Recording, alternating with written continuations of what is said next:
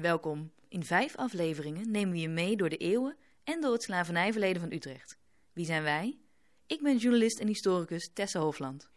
En ik ben Nancy Jouwe, cultuurhistoricus en onderzoeker. Deze podcast is mogelijk gemaakt dankzij het fellowship van de Hogeschool van de Kunsten Utrecht en door de gemeente Utrecht. Fijn dat je luistert.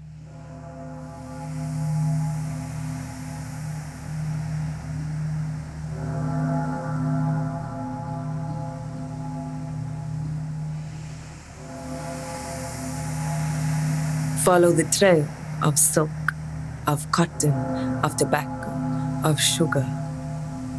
If we follow this trail, where does it lead? Als je die sporen van het slavernijverleden volgt, waar kom je dan bij uit? In deze aflevering richten we ons op instituties in de stad en hoe mensen binnen die instituties of dankzij die instituties posities innamen over slavernij. Inmiddels zijn er onderzoeken naar banken gedaan en een rol in het slavernijsysteem.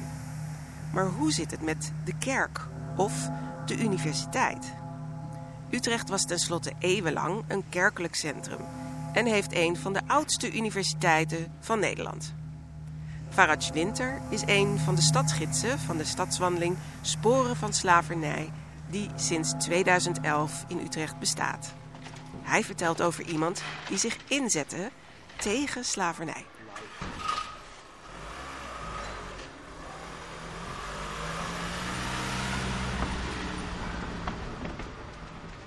Nou, we staan hier voor Krommenieuwgracht nummer 6. Voor een vrij riant pand. Een pand met nou ja, vijf ramen naast elkaar. Met een deur in het midden die heel hoog is.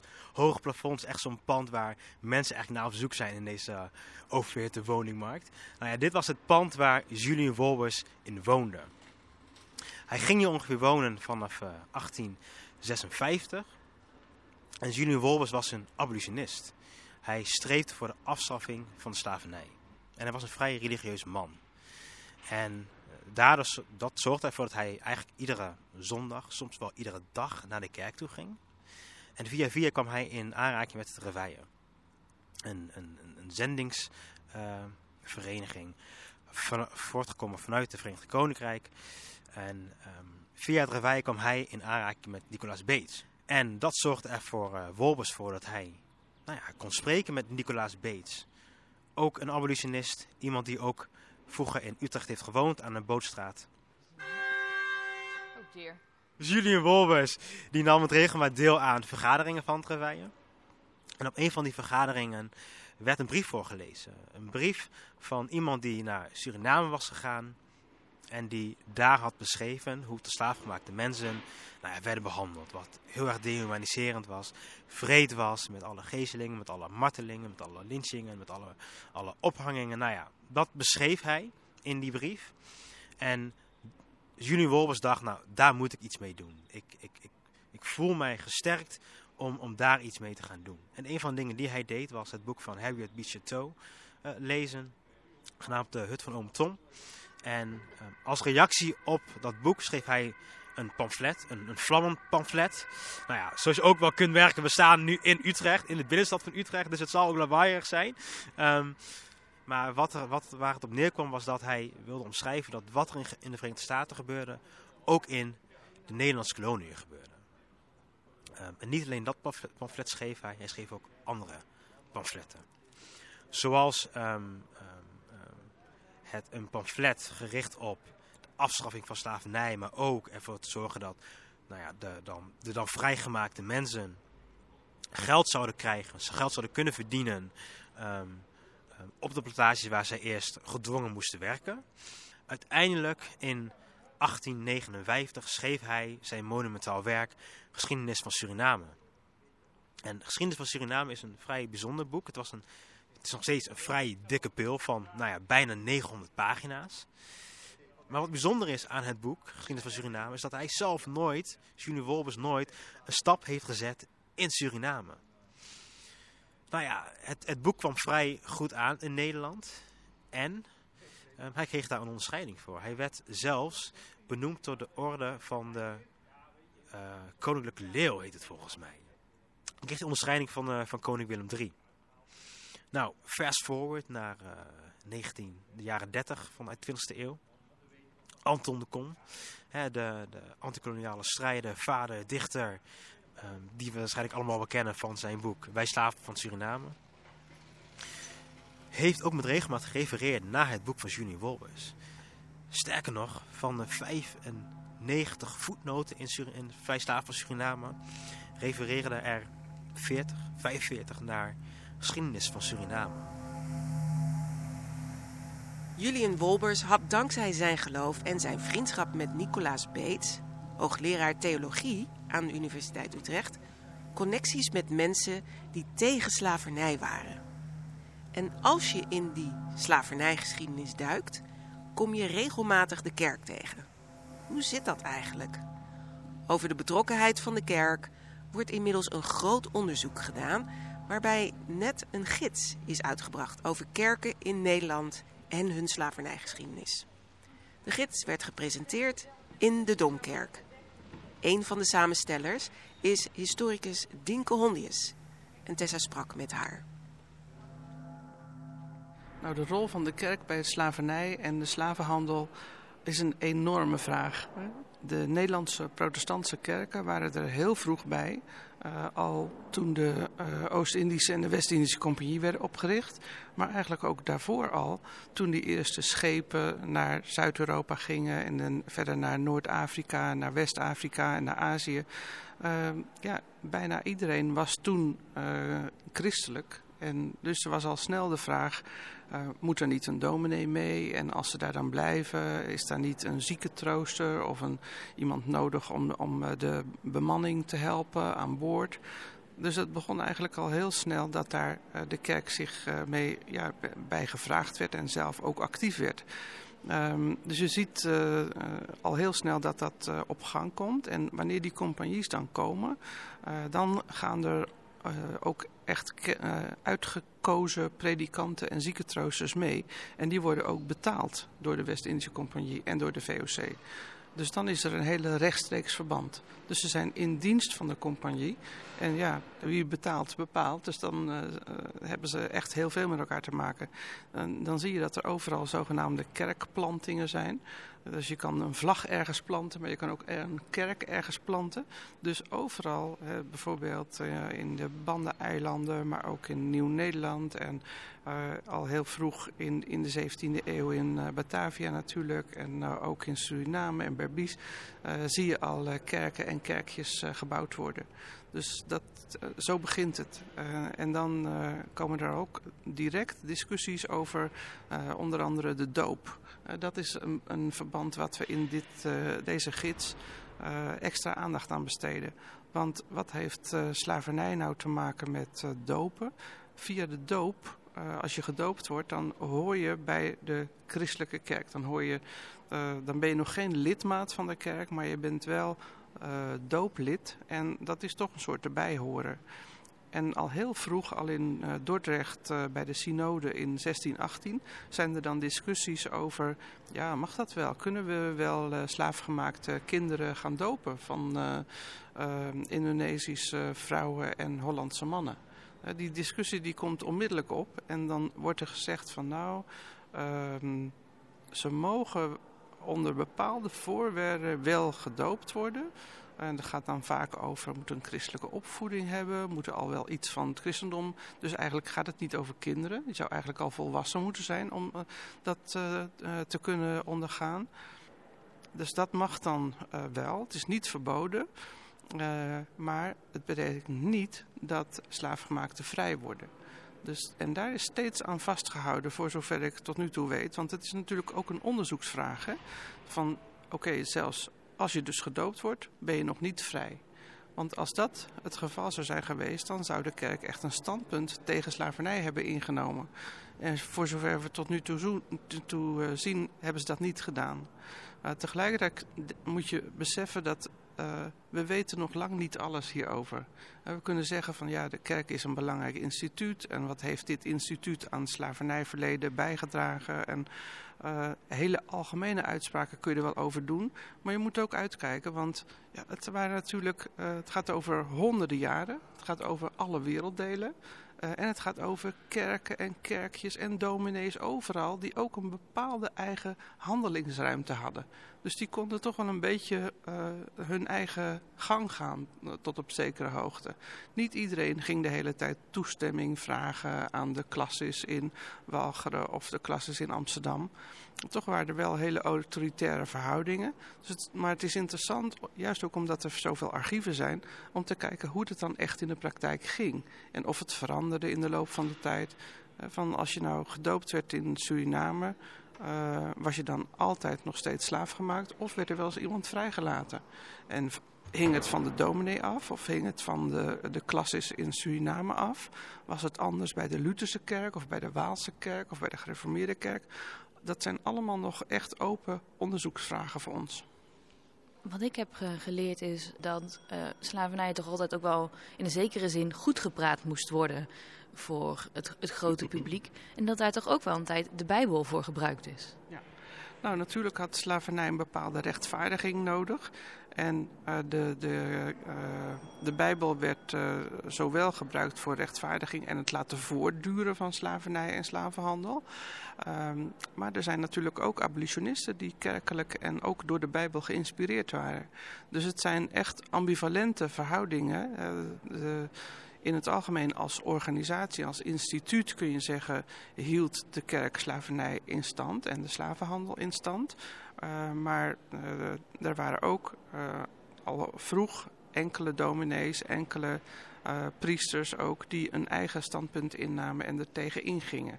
Maar ja, hoeveel invloed die gehad hebben, daar moeten we ons niet al te veel van voorstellen, denk ik, maar ze waren er wel. Wat kan je vertellen over wat er in de Bijbel gevonden werd om het dan als goed te praten? Doen we zo meteen de andere, de andere kant. Ja, nou bekend is het verhaal van Sem, Gam en Jafet, van uh, Noach en uh, de, de zondvloed. Dus uh, het verhaal van Noach is dat hij drie zonen had en dat Gam en zijn zoon Canaan, die zouden Noach bespot hebben. En als straf daarvoor zou uh, Gam en zijn zoon Canaan uh, vervloekt zijn. En die vervloeking uh, die is dan in verband gebracht met donkere huidkleur later. Dat, dat staat niet zo in de Bijbel. Dus het is heel bijzonder dat een verhaal uit de Bijbel, een fragment uit de Bijbel, zo'n impact gehad heeft. Want tot de dag van vandaag zijn er mensen die denken dat uh, uh, mensen met een donkere huidskleur vervloekt zijn, verbannen zijn, dat er iets slechts aan is. Dus die associatie van donker met slecht is heel, heel lang doorgewerkt tot in de 20e eeuw. Uh, terwijl dat in feite niet in de Bijbeltekst staat. En dan kan je zien dat ja, in de geschiedenis van racisme zien we natuurlijk wel vaker dat er wordt iets verzonnen, wordt dan vastgehouden en niemand vraagt zich meer af uh, hoe, staat het er eigenlijk wel of waar komt het eigenlijk vandaan. Maar dat is natuurlijk een uh, tekst geweest uh, uh, uit Genesis die ja, is aangegrepen door de kerk en door de slaveneigenaren in de kerk, denk ik, om de situatie van slavernij en slavenhandel in stand te houden. En het begint druk te worden op de achtergrond. Jullie presenteren hier straks het onderzoek van de rol van de kerk in de slavernij. Uh, maar ik ben ook nog benieuwd. Ja, was het dan, um, weet je wel, wees goed voor je naasten, dat ze dan daarin toch ook redenen vonden om te pleiten voor de afschaffing? Ja.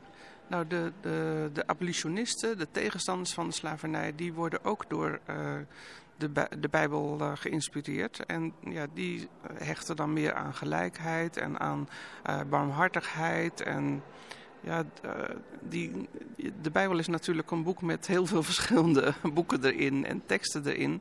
Dus op een gegeven moment uh, in, de, uh, in de 17e eeuw zijn die stemmen nog heel, heel, zijn er nog heel weinig van die anti-slavernijstemmen.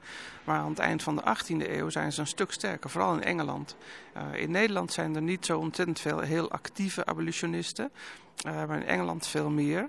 Maar wat je dan wel ziet in uh, Nederland, bijvoorbeeld in Amsterdam, we hebben een paar voorbeelden en ook in Rotterdam, van vrouwenverenigingen uh, die zich tegen slavernij keren ja, uit mededogen, uit medemenselijkheid. En die zijn ook christelijk geïnspireerd.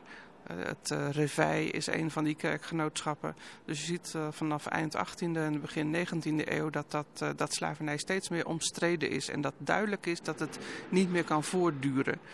En um, ja, je ziet natuurlijk ook in de 20e eeuw, in de burgerrechtenbeweging, is de rol van de kerk ontzettend belangrijk. En zijn daar dominees geïnspireerd en priesters.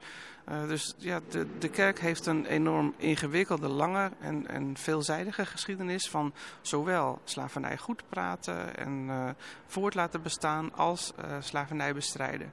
En uh, ja, die, die geschiedenis helemaal tussen door te laten dringen en daar ook uh, iets aan bijdragen, dat is waar we nu mee bezig zijn, denk ik. Hè? Van dat onder ogen te zien, uh, ook ja, heel letterlijk te voelen, lichamelijk te doorvoelen wat het betekent om een slavernijgeschiedenis te hebben. Daar, daar, zijn we natuurlijk al een tijdje mee bezig. En het onder ogen te, te zien uh, en dan proberen te veranderen van die geschiedenis. Dat is waar de kerken nu zelf ook uh, ja, mee beginnen. Je ziet het uh, met de Lutherse kerk, die is er heel actief in. de Waalse kerk is ermee begonnen. de gereformeerde en, en, hervormde kerken, dus de PKN, zijn ermee bezig. En... Ja, de, bijvoorbeeld in Engeland, de, de, Church of England is ermee bezig. Dus het is ook een, een beginnend internationaal proces. En in Nederland doen we op allerlei vlakken mee. Dit onderzoek naar de kerk. Maar de koning heeft nu ook uh, onderzoek naar de betrokkenheid van het Koningshuis laten doen. In, uh, je noemde het al, al, de steden doen ook onderzoek naar hun verleden. Maar het is, hè, we zijn bijna op het punt 160 jaar afschaffing te vieren. Waarom komen al die onderzoeken eigenlijk zo nu op gang? Ik denk, uh, doordat het, ja, het wordt, ik denk dat er overtuigingskracht in, uh, de, in de eerste onderzoeken zit. En dat het dus ook vragen oproept van hoe zit het eigenlijk met onze organisatie. Je ziet bijvoorbeeld de families, zoals de familie van Loon. die tien jaar geleden, toen wij begonnen met Mapping Slavery en met onze gids over Amsterdam. was er nog best discussie met Van Loon Museum over van ja, wat willen jullie dan inzetten en klopt het allemaal wel? Toen moesten we dingen aanpassen. En nu zijn ze echt uh, in, een soort van doorbraak gekomen waarin ze juist uh, het slavernijverleden van de familie, al hun investeringen in die verschillende compagnies en alles wat ze in het museum zelf doen, ja, enorm anders zijn gaan bekijken. Dus het is heel interessant om te zien dat iets in een stroomversnelling komt. En van het een komt het ander. Dus de, de ene stad spreekt excuses uit, de andere stad uh, uh, kan niet achterblijven. De beweging van, van postkoloniale migranten is natuurlijk sterker en sterker geworden. En ja, ik denk dat het nu een soort van omslag, dat we in een soort van omslag zitten naar natuurlijk moeten, we, moeten wij ook iets met ons slavernijverleden doen. En dat zie je nu bij de kerken gebeuren. En ik vind het wel bijzonder, want uh, ja, tien jaar geleden toen we hiermee begonnen... was er een eerste verklaring van de Raad van Kerken. Maar daar gebeurde eigenlijk niks mee. Toen was ik ook optimistisch, maar het, het bleef bij een soort van uitspraak. Nu zie je eigenlijk meer onderzoeken en betrokkenheid. Dus ik ben heel benieuwd, uh, discussies in de kerken, hoe het nou verder gaat. De, de protestantse wereld is enorm groot en, en uh, veelzijdig. Er zijn allerlei, uh, uh, niet alleen omroepen, maar ook heel veel tijdschriften en allerlei media uh, in die protestantse wereld, waarin nu heel veel over slavernij gesproken en geschreven en wordt. En ik kan het bijna niet volgen, zoveel gebeurt er op dat gebied in die wereld. Dus het is fascinerend om te zien. En ook de, nou ja, de, de meer conservatieve kranten en media vanuit christelijke hoek, die zijn er ook mee bezig. Dus je ziet echt uh, dat het uh, een verbreding en een versnelling doormaakt nu. Dus ook in kerken liggen letterlijk en figuurlijk sporen van het koloniale verleden en de slavernijgeschiedenis. Zo zijn er in verschillende Utrechtse kerken, in ieder geval vanaf de 17e eeuw, zwarte mensen begraven.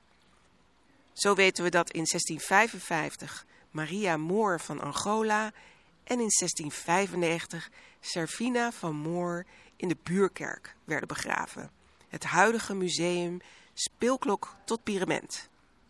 Maar ook slaveneigenaren zijn in kerken terug te vinden. In de Janskerk ligt Hendrik Schwellingrebel. gouverneur van de Kaapkolonie. In diezelfde kerk heeft de Utrechtse burgemeester Sharon Dijksma formeel excuses aangeboden voor het slavernijverleden van de stad in 2022. Vlakbij, op een paar honderd meter van de Janskerk, woonde Nicolaas Beets, de theoloog, predikant en ook schrijver. Hij was een felle tegenstander van de slavernij. Hoe werd er in de 19e eeuw gesproken over het abolitionisme? Gingen mensen met elkaar in discussie? En door wie werden ze beïnvloed? Historicus Maartje Jansen weet meer. Je kan niet zeggen dat de afschaffing van slavernij nou een enorm groot onderwerp was in Utrecht in de 19e eeuw. Um, het is niet zo dat mensen uh, continu daarover aan het praten waren met elkaar, dat het echt een hot issue was. Nou is het wel zo dat er in Utrecht rond het midden van de 19e eeuw een aantal uh, mannen, vooral mannen waren, die zich gingen organiseren om uh, slavernij te vernietigen, zoals het zelf noemde. Om slavernij af te schaffen en om, of om slaven vrij te maken. Uh, dat uh, had te maken onder andere met de inspiratie die ze uit Engeland uh, kregen. Ze waren geïnspireerd door de afschaffers daar. Uh, William Wilberforce bijvoorbeeld was een groot voorbeeld. en um, je ziet dat ze dan uh, denken wij Nederland moeten, als Nederland moeten we niet achterblijven. Wij willen ook een beschaafde christennatie zijn. En wij willen hier ook slavernij afschaffen. Um, wat je dan ziet is dat een aantal mensen van de universiteit, een aantal hoogleraren, vooral Jan Akkerstijk, hoogleraar staathuishoudkunde, die gaan dan zich in een klein comité uh, verenigen. Die gaan s'avonds, uh, elke week op dinsdagavond bij hem thuis praten over die kwestie van uh, slavernij. We hebben het hier nu over uh, 1840, best wel vroeg. En uh, ja, ze noemen zich dan de vrienden, slavenvrienden, hè, een soort comité van slavenvrienden. Zij gaan dan nadenken, wat kunnen wij nou doen om die slavernij in Nederland af te schaffen? En ze wilden niet meteen heel activistisch worden. Ze wilden niet meteen de straat op. Ze wilden niet meteen een petitie indienen. Dat waren allemaal manieren die voor hun gevoel niet pasten. Uh, en dat had eigenlijk twee redenen. Allereerst was die politiek in die tijd redelijk bedaard. Hè. Het, is, het is nog niet de tijd van met spandoeken de straat op. Het is nog een beetje vroeger. En dat zou ook doen denken aan revolutie. Het zou doen denken aan een hele gevaarlijke periode uit de Nederlandse geschiedenis die net achter je lag. Namelijk ook de patriottentijd, de tijd van, uh, van conflict. En ze zeiden we moeten eigenlijk die kwestie van slavernij uit de revolutionaire hoek halen. En we moeten laten zien dat je als beschaafde Nederlander je daar ook zorgen om kan maken. We moeten dus op een beschaafde manier uh, voor die afschaffing pleiten. En dat moeten we doen door, ja, eerst moeten mensen maar eens wat meer te weten komen over uh, slavernij. Ze hebben trouwens nog wel petities gestuurd naar de regering voor afschaffing van slavernij. Maar uh, dat deden ze dan een beetje voorzichtig. En toen de regering zei, ja, wij vinden het een beetje gevaarlijk dat jullie nu een club willen oprichten voor afschaffing van slavernij. Doe dat maar niet, want straks komt er revolutie in de kolonie. Er was altijd angst voor revolutie. Uh, het idee was, als ze nou in Nederland gaan praten over afschaffing, dan slaat dat misschien over op de, uh, de lokale bevolking daar, de, de, de tot slaafgemaakten daar, die dan misschien het recht in eigen hand nemen, ze gaan aan zelfbevrijding gaan doen. Dat moeten we niet hebben. Dus um, nou, die Utrechters waren allemaal hè, beschaafde hoogleraren en zo. Die dachten, dachten, laten we maar luisteren naar de regering. Laten we die club maar niet meteen actief maken. Dan gaan we iets anders doen. We gaan een tijdschrift oprichten. Een tijdschrift, uh, en dat heette De bijdrage tot de bevordering der kennis van Nederlandse en vreemde koloniën. Bijzonder betrekkelijk de afschaffing der slavernij. Dat is nogal een titel. Dat is een hele lange, lange naam, ja. En uh, ze richten dan ook een vereniging op van uitgevers van die vereniging. Want ze wilden laten zien dat dit niet zomaar een radicaal blaadje was, maar een vereniging die uh, steun kreeg van, uh, nou in dit geval ongeveer 150 Nederlanders die zeiden wij vinden het goed dat er zo'n tijdschrift is. Een tijdschrift waarin we praten over de koloniën, waarin we praten over koloniale politiek, maar ook gewoon over, ja, wat, wat groeit en bloeit er nou op die eilanden daar? Wat, wat, hoe, hoe ziet Suriname eruit? er was heel weinig kennis eigenlijk over die kolonie, vonden ze. En ze vonden eigenlijk als Nederlanders als burgers zich gaan bemoeien met die koloniale politiek, moeten ze ook weten waar ze het over hebben. Ze zagen het een beetje als een soort voorbereiding voor de afschaffing van slavernij. Heel voorzichtig dus. En die Britten die schreven steeds brieven aan die Nederlandse comité's. En die zeiden, schiet eens even op. Uh, dit, uh, ja, ga ook eens even een massapetitie organiseren. Ga eens even wat druk zetten op jullie regering. En dan schreven ze keurig terug. Uh, dat heb ik allemaal in het archief gevonden. Nee, eh, in Nederland werkt politiek anders. Wij kunnen dat niet doen. Wij moeten de meest beschaafde uh, Nederlanders achter onze missie krijgen. En daarvoor moeten we het heel erg voorzichtig aan gaan pakken. Dus het was eigenlijk een hele voorzichtige uh, club. Maar wel in de jaren tussen 1844 en 1848 was dit, deze club het centrum van het Nederlandse abolitionisme. Utrecht was de stad waar het initiatief lag. In die jaren is er geprobeerd om een landelijke beweging tegen slavernij op te richten. En dat bleek erg lastig. Want uh, er waren in verschillende steden al uh, ad hoc comité's opgericht. Van slavenvrienden, zoals ze zich noemden. En toen er geprobeerd werd om daar een nationale vereniging van te maken, viel die eigenlijk in twee kampen uit elkaar. Je zou kunnen zeggen, het leek al een beetje op de verzuiling. Aan de ene kant de orthodox-protestanten en aan de andere kant de wat meer liberaal georiënteerde mensen, zoals die Utrechters uh, van uh, Jan Akkersdijk. Die kwamen tegenover elkaar te staan en die gingen dus ook concurrerende petities organiseren. En uh, in dat opzicht werd dat niet echt een groot succes. Abolitionisme in Utrecht ging wat meer leven in de jaren 1850. Uh, in 1853 kwam de Nederlandse vertaling uit van Uncle Tom's Cabin van Harriet Beecher Stowe. Dat was een enorme bestseller. Daar werd echt wel veel over gesproken. Hè. Dat, uh, dat was uh, misschien het moment dat veel mensen wat meer kennis maakten met slavernij op plantages. Was natuurlijk wel in Engeland. Maar iemand als Julian Wolber schreef natuurlijk ook meteen zo'n pamflet van hè, de slavernij zoals die in Amerika wordt geschetst in Uncle Tom's Cabin. Die bestaat ook in de Nederlandse koloniën, ook in Suriname. En dat schokte toch wel veel mensen. En toen had je op een gegeven moment de Nederlandse maatschappij ter bevordering van de afschaffing der slavernij. Dat was dan eindelijk was het gelukt om een landelijke vereniging op te richten. Na dat succes van dat boek. En in die vereniging uh, uh, gingen wat meer Nederlanders uh, zich organiseren en proberen een wet voor afschaffing van slavernij voor elkaar te krijgen. Dat waren, mochten alleen mannen mochten lid worden van die vereniging. Uh, maar je zag wel bijvoorbeeld op lokaal niveau, een afdeling Utrecht bijvoorbeeld, daar werd, daar werd dan wel um, lezingen werden daar georganiseerd waar ook bijvoorbeeld dames mochten komen. Dus ja, iemand als Nicolas Bates, een, uh, een dominee en celebrity in zijn tijd, omdat hij ook uh, veel boeken had geschreven, zoals de Camera Obscura. Die heeft bijvoorbeeld zo'n lezing gehouden voor die Nederlandse maatschappij. We staan nu voor zijn huis. Ik zie er inderdaad het hele bordje. Celebrity wordt hij niet genoemd. Ik zie wel beroemd schrijver, een sociaal bewogen dominee. Ook een hoogleraar trouwens. Hij werd later ook hoogleraar aan de Universiteit uh, uh, Utrecht. Uh, hij was predikant en ook echt een beroemde predikant rond die tijd dat hij bijvoorbeeld die lezing gaf voor de Nederlandse maatschappij. Hij was ook lid van die maatschappij, hij was lid van het lokale Utrechtse bestuur. En hij gaf dus een lezing over, die heet De bevrijding der slaven, redenvoering gehouden in openbare vergadering van de Nederlandse maatschappij tot bevordering van de afschaffing der slavernij. Hij ging dus naar verschillende steden, naar verschillende afdelingen om zijn lezing te houden.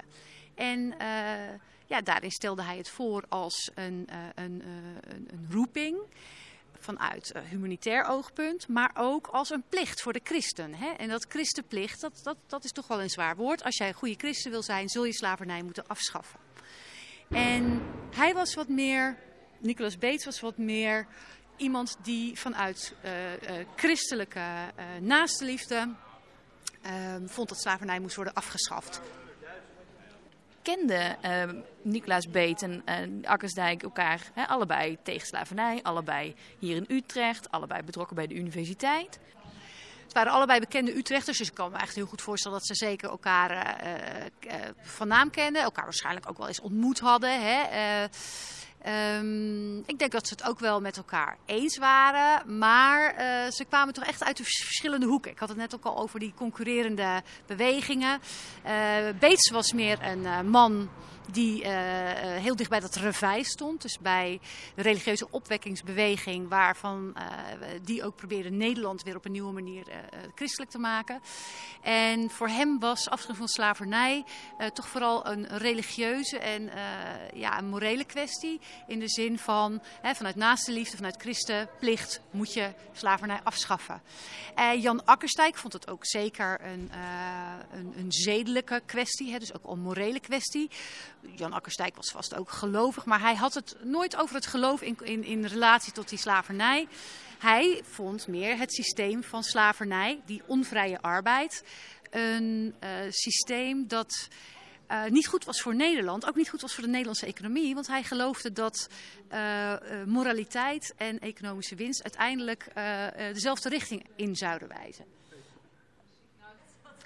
Hij geloofde dus dat uh, als slavernij eenmaal afgeschaft zou zijn, dat ook uh, de koloniën ja, winstgevender zouden zijn. Dit is dus allemaal geen kritiek op het kolonialisme of op, het op koloniale uitbuiting per se. Oké, slavernij als, als misstand. Het systeem van slavernij werkt mishandeling door de eigenaar in de hand. Nog steeds stond voor iemand als Akkersdijk voorop dat de koloniën winstgevend moesten zijn voor Nederland. Want de koloniën waren ooit heel winstgevend geweest en slavernij was ooit heel winstgevend geweest. Alleen ja, halverwege de 19e eeuw uh, was dat wel behoorlijk afgenomen. Ja, en misschien dat iemand als Akkersdijk daar ook zijn idee op baseerde dat He, van zie je wel, het is niet moreel, dus het kan niet winstgevend zijn langere tijd. He, uh, het is, uh, hij gelooft eigenlijk in de harmonie van dingen. Iets wat moreel juist is, zal ook winstgevender zijn. Vrije arbeid zal, zal, de kolonie en dus ook Nederland tot bloei brengen, geloofde hij. En je zou ook kunnen zeggen dat hij in zekere zin daarin weer gelijk had. Want in de loop van de 19e eeuw werd vrije arbeid, hè, bij de afschaffing van slavernij, ook bij de afschaffing van het cultuurstelsel in Oost-Indië.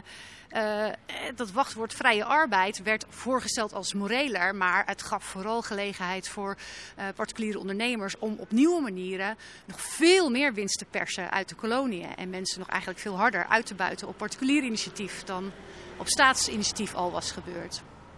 We hebben het nu over een paar hoogleraren die om verschillende beweegredenen tegen slavernij zijn. Maar in het Utrechtse onderzoek zie je ook steeds wat namen oppoppen van rectoren bijvoorbeeld die wel voor slavernij waren, die ook slaafgemaakte mensen in bezit hadden. En in de kerk zie je ook dit verschil. Je had mensen die voorstander waren van slavernij en mensen die tegenstander waren van slavernij botste dit ook in die instellingen, zoals we vandaag de dag ook wel eens van die discussies zien ongetwijfeld botsen dit. Eh, je ziet bij die vroege abolitionisten dat als zij proberen hun kennis ook uh, over te halen om bij hun antislavernijvereniging te komen, dat ze heel erg worden uitgelachen van wat is het nou een belachelijk onderwerp. en dan schrijven ze elkaar ook een beetje moedeloos. Ja, het werd vooral belachelijk gemaakt en tegen dat, daar, is tegen, daar is niet tegen te strijden. Daar doe je niks aan. Het was dus ook een kwestie een beetje van een cultuuromslag. mensen moesten langzaam wennen aan het idee dat dit ja, toch onfatsoenlijk gevonden werd door sommigen of onchristelijk gevonden werd door sommigen. Het was heel lang normaal geaccepteerd geweest. Niet door iedereen, maar wel door heel erg veel mensen. En ik denk in die zin dat bijvoorbeeld uh, het uitbrengen van Uncle Tom's Cabin in Nederland... dat is echt het moment geweest dat voor heel veel mensen duidelijk was... dat slavernij niet meer kon. En dat er ook in kamerdebatten hè, kamerleden daarover spraken... als hè, op emotionele manier van uh, dat, dat moeten we echt, daar moeten we echt mee stoppen. Belangrijk om je te realiseren dat al in 1842 ook de regering heeft verklaard... we weten dat slavernij afgeschaft gaat worden, alleen... Uh, we zoeken nog naar financiële middelen om dat te compenseren. Of hè, we zijn nog bezig met hoe dat dan moet. En dat is dus ruim uh, 20 jaar voordat het uiteindelijk wettelijk wordt afgeschaft. En ruim 30 jaar dus voordat het uiteindelijk daadwerkelijk wordt afgeschaft. Hè? Want pas in, in 1873 is slavernij natuurlijk daadwerkelijk afgeschaft. Ja, want er moest nog tien jaar doorgewerkt worden voor de voormalige eigenaar... ter extra compensatie van die arme plantage-eigenaren. Ja, vooral om een uh, uh, ordelijke overgang van slavernij naar vrije arbeid te kunnen garanderen. Men was heel erg bang dat uh, voormalige tot slaafgemaakten niet zouden willen werken. En dan zaten ze opeens zonder arbeidskrachten. Interessant vind ik ook dat die Nederlandse maatschappij ter bevordering van de afschaffing van slavernij ook hierover nadacht van hoe kunnen we mensen ervan overtuigen dat er niet zoveel ergs gaat gebeuren als slavernij eenmaal is afgeschaft. Zij kochten ook, ze zamelden geld in om uh, een aantal tot slaafgemaakten vrij te kopen. En uh, dat lukte ook. Er zijn uh, tientallen mannen en vrouwen, ook kinderen, uh, vrijgekocht in de jaren 50 en 60. En dan werd er ook, werden er soort rapportjes opgesteld. Dat deden ze met behulp trouwens van zendelingen die daar in Suriname zaten. En die hielden dan een beetje de voortgang van die mensen bij. En die schreven dan dingen in het tijdschrift voor de Nederlandse Maatschappij ter bevordering van de afschaffing van slavernij. Schreven ze bijvoorbeeld, hè, Paulus is nu, nu die vrij is, is hij nog even uh, dienstbaar als toen hij nog slaaf was. Of uh, je ziet aan uh, Elisabeth dat ze niet op is gehouden een goede huisbediende te zijn nu ze eenmaal vrij is. Dus het is allemaal een geruststelling in zekere zin van het, het komt wel goed. Die mensen zijn niet wraaklustig, ze kunnen goede christenen worden, ze kunnen nuttige arbeiders worden in die nieuwe slaafvrije maatschappij, zeg maar staan voor zijn huis. Niklaas Beet die was op tour geweest in Nederland om iedereen ervan overtuigen dat slavernij moest worden afgeschaft. Stopte die hierna ook na 1863 met, uh, met speeches en toeren? Nou, we weten van Beets nog dat hij ook een pamflet heeft geschreven uh, over de afschaffing van slavernij in Amerika. Dus rond uh, de Amerikaanse uh, burgeroorlog. hij was dus wel in dat thema blijvend geïnteresseerd. Nou was dat niet een thema waar heel veel in Nederland heel veel aandacht voor was. Maar dit was een thema wat hem wel uh, greep. We weten van Nicolaas Beet ook dat hij in zijn studeerkamer een borstbeeld van die William Wilberforce had. Van de voorvechter van de afschaffing van slavernij uit Engeland. Uh, blijkbaar was dat ook een beetje een persoonlijke inspiratie voor hem. En misschien zag hij zichzelf al een beetje als een Nederlandse Wilberforce. En wilde hij graag ook die rol hier vervullen. nou ja, dat is misschien ten dele ook wel een beetje gelukt. Follow the trail of silk. Of cotton, of tobacco, of sugar. If we follow this trail, where does it lead? Whose houses were built from the profits of sugar? Whose lives were enslaved for the profits of sugar? The bells sound and ring from the sugar plantations of Guyana to the coffee plantations of Suriname and Ghana from the cattle farms of Cape Town to the cash crops of Indonesia, across the seas and through your dreams, the bells ring out to herald a new era. Yeah, now she's speaking. Yeah, now she speaks to you. The bells sound and ring from Jans Kerkhof in Utrecht.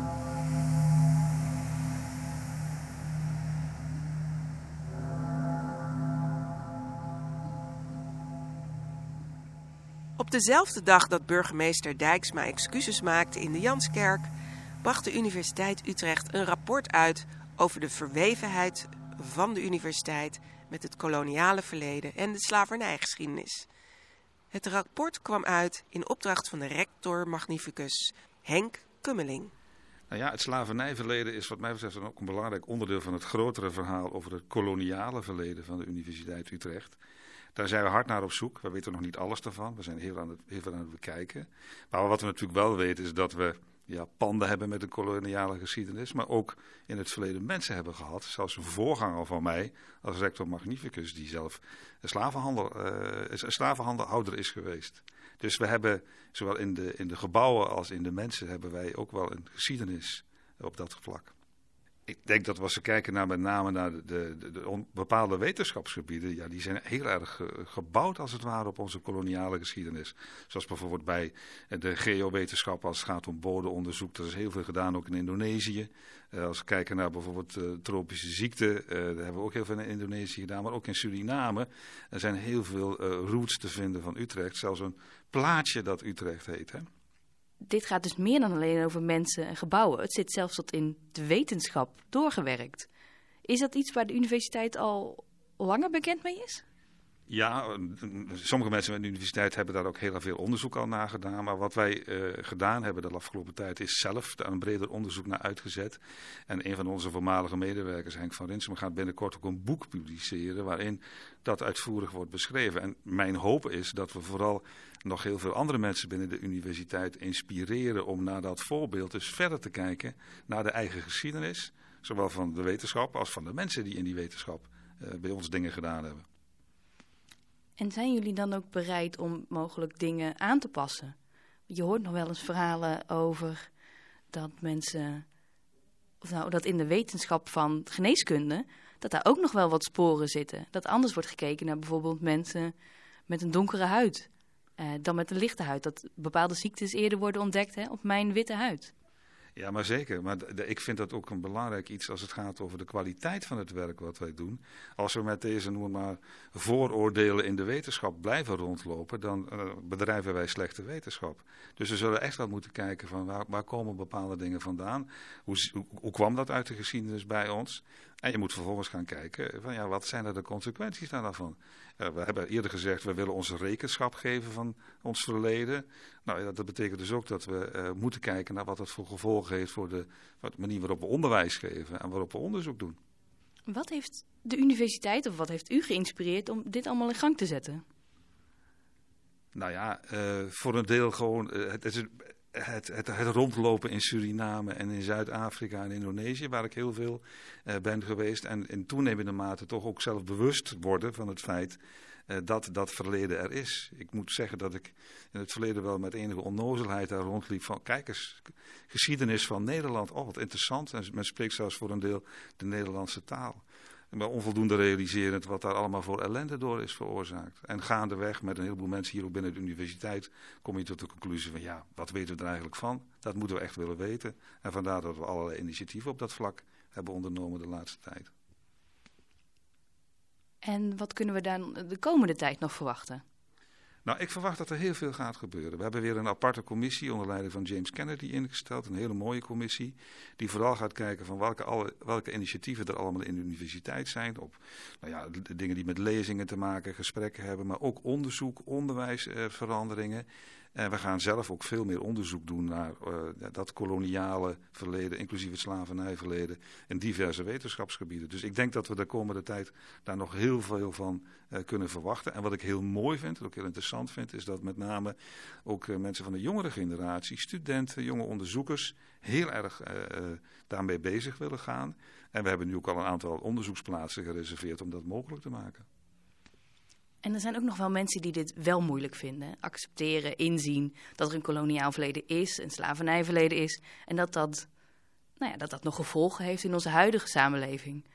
Vond u het moeilijk om te horen dat uw voorganger, ook al is het heel, heel ver voorganger, dus een slaveneigenaar was. Ja, ik, in abstracto begrijp ik het, dat dat uit die tijd gebeur, in de tijd gebeurde. Maar tegelijkertijd, ja, met de, uh, dit is natuurlijk hartstikke moreel verwerpelijk. En uh, je wilt eigenlijk dat dit soort dingen niet in je geschiedenis zijn. Maar tegelijkertijd, als ze er zijn, en ze zijn er, dan zul je daar uh, mee om moeten gaan. Dan zul je daar rekenschap van moeten geven. En zul je manieren moeten vinden om nou, dat, dat als het ware productief te maken door mensen te helpen om bewust te zijn van dat verleden en ook om te voorkomen dat dit soort dingen nog langer doorwerken in ons eigen handelen op dit moment, in de huidige tijd. Wat voor de huidige tijd voor ons natuurlijk ook van belang is, dat uh, wij willen heel erg werken aan diversiteit en inclusie binnen onze organisatie.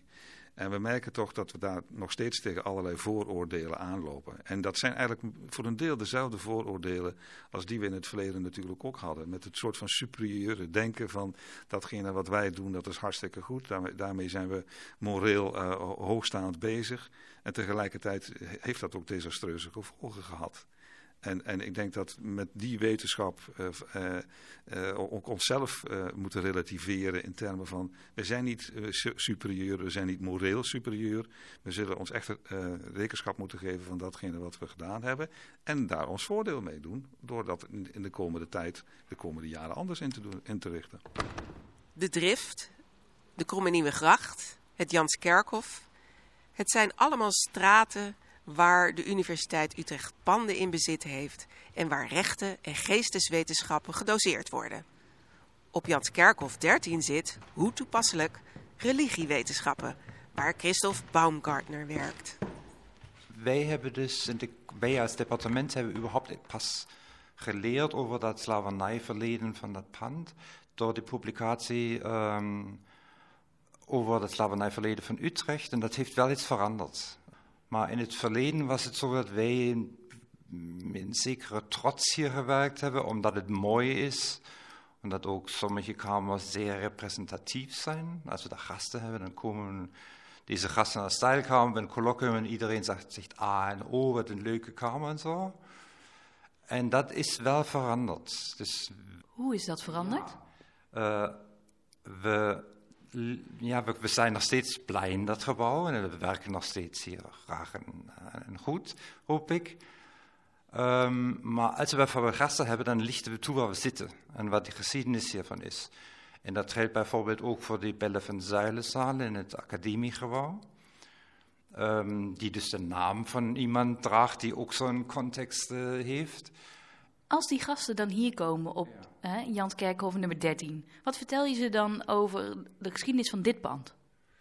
We lichten die toe eigenlijk primair um, dat we zeggen, oké, okay, een van de vroege eigenaren van dat gebouw, um, die dat dus um, gekocht heeft, die was echt direct verbonden met uh, de handel in tot slaafgemaakte mensen, is daardoor eigenlijk rijk geworden. En heeft dan ook waarschijnlijk dat gebouw uh, volledig gerenoveerd en heeft veel geïnvesteerd in dat gebouw. Dus en dat geld kwam dus uh, uit die handel met uh, tot slaaf gemaakte mensen. Je bent niet alleen onderzoeker, maar je bent ook docent. Gebruik je dit ook in het onderwijs naar studenten toe? Dat boek bedoel je, dat Utrechtse onderzoek? Ja, op verschillende manieren zou ik zeggen. Eén is heel concreet misschien, uh, en dat heeft daarmee te maken um, dat die onderzoekers van het Utrechtse onderwijs ook gewoon um, de materiële cultuur gebruikt hebben als een bron van historische inzicht. En bij ons in het departement of in de afdeling religiewetenschappen is materiële religie, zoals wij dat noemen. Dus dat zijn praktijken, objecten zoals boeken of, of schilderijen, afbeeldingen zo. Die zijn, staan redelijk centraal. En op die manier uh, uh, kunnen wij die methode die wij dus eigenlijk theoretisch in ons onderzoek gewoon toepassen, zo, ook direct gebruiken om dan over het slavernijverleden te spreken en over over ja, dat gebouw waar de studenten hun scriptie begeleid krijgen en zo, uh, om daarmee te werken. Ja? Dus dat is één. En het tweede is um, dat veel studenten, met name ook in internationale cursussen, uh, een grote belangstelling hebben voor um, ja, het koloniale verleden van Nederland ook. Van Utrecht dan zijn, waarschijnlijk eerder in een tweede stap, als ze dus horen, aha, zoiets is ook bekend, daar is informatie over. En um, dat is niet direct, voor zover ik weet, in een cursus ingebouwd. Maar er zijn veel zo projectgerelateerde um, activiteiten in, in, een, in een cursus. En daar uh, uh, gebruiken we dat, als ik het zo mag zeggen, of behandelen we dat, nodigen dan ook iemand uit die een rondleiding geeft, die dingen toelicht, die zelf het onderzoek gedaan heeft en zoiets. Ja, dat zijn manieren hoe we daarmee omgaan. Wat zou je graag zien dat er in de toekomst dan nog mee gebeurd wordt met deze kennis en deze inzichten? Ik zou het persoonlijk wenselijk vinden, en ook eigenlijk volgens mij niet zo moeilijk te realiseren, dat je aan verschillende gebouwen bijvoorbeeld zo'n QR-code opplakt met een ook korte schriftelijke informatie, maar via die uh, uh, QR-code zou je op een grotere website kunnen komen, waar dan de universiteit veel meer kan contextualiseren, veel meer kan um, beschrijven, toelichten wat met die gebouwen, met die genoemde hoogleraren het geval was en is.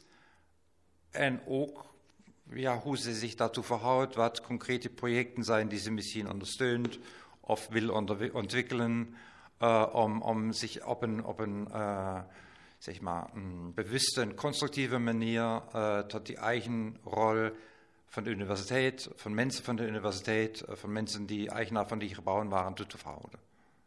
Ik vind het eigenlijk wel heel mooi dat die zegt van we hebben geleerd over het verleden.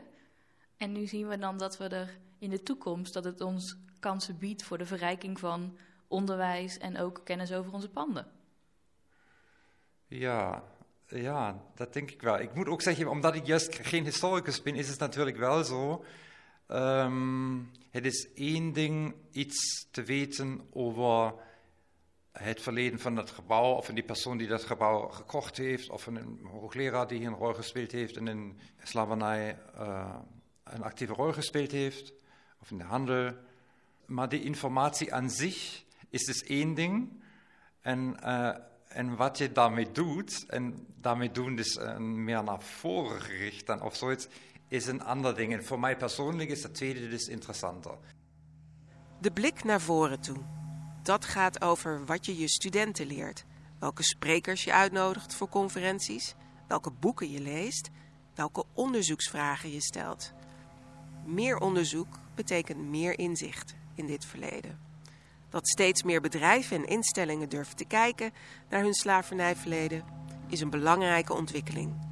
Zo leren we allemaal weer bij.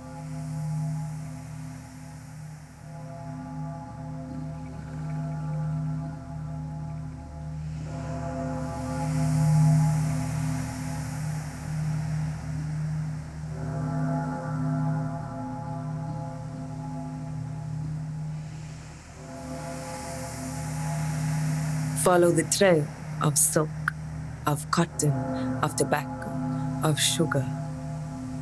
If we follow this trail, where does it lead? Whose houses were built from the profits of sugar? Whose lives were enslaved for the profits of sugar? Down the Vecht into the sea, follow this trail of white dust across the Atlantic to Demerara.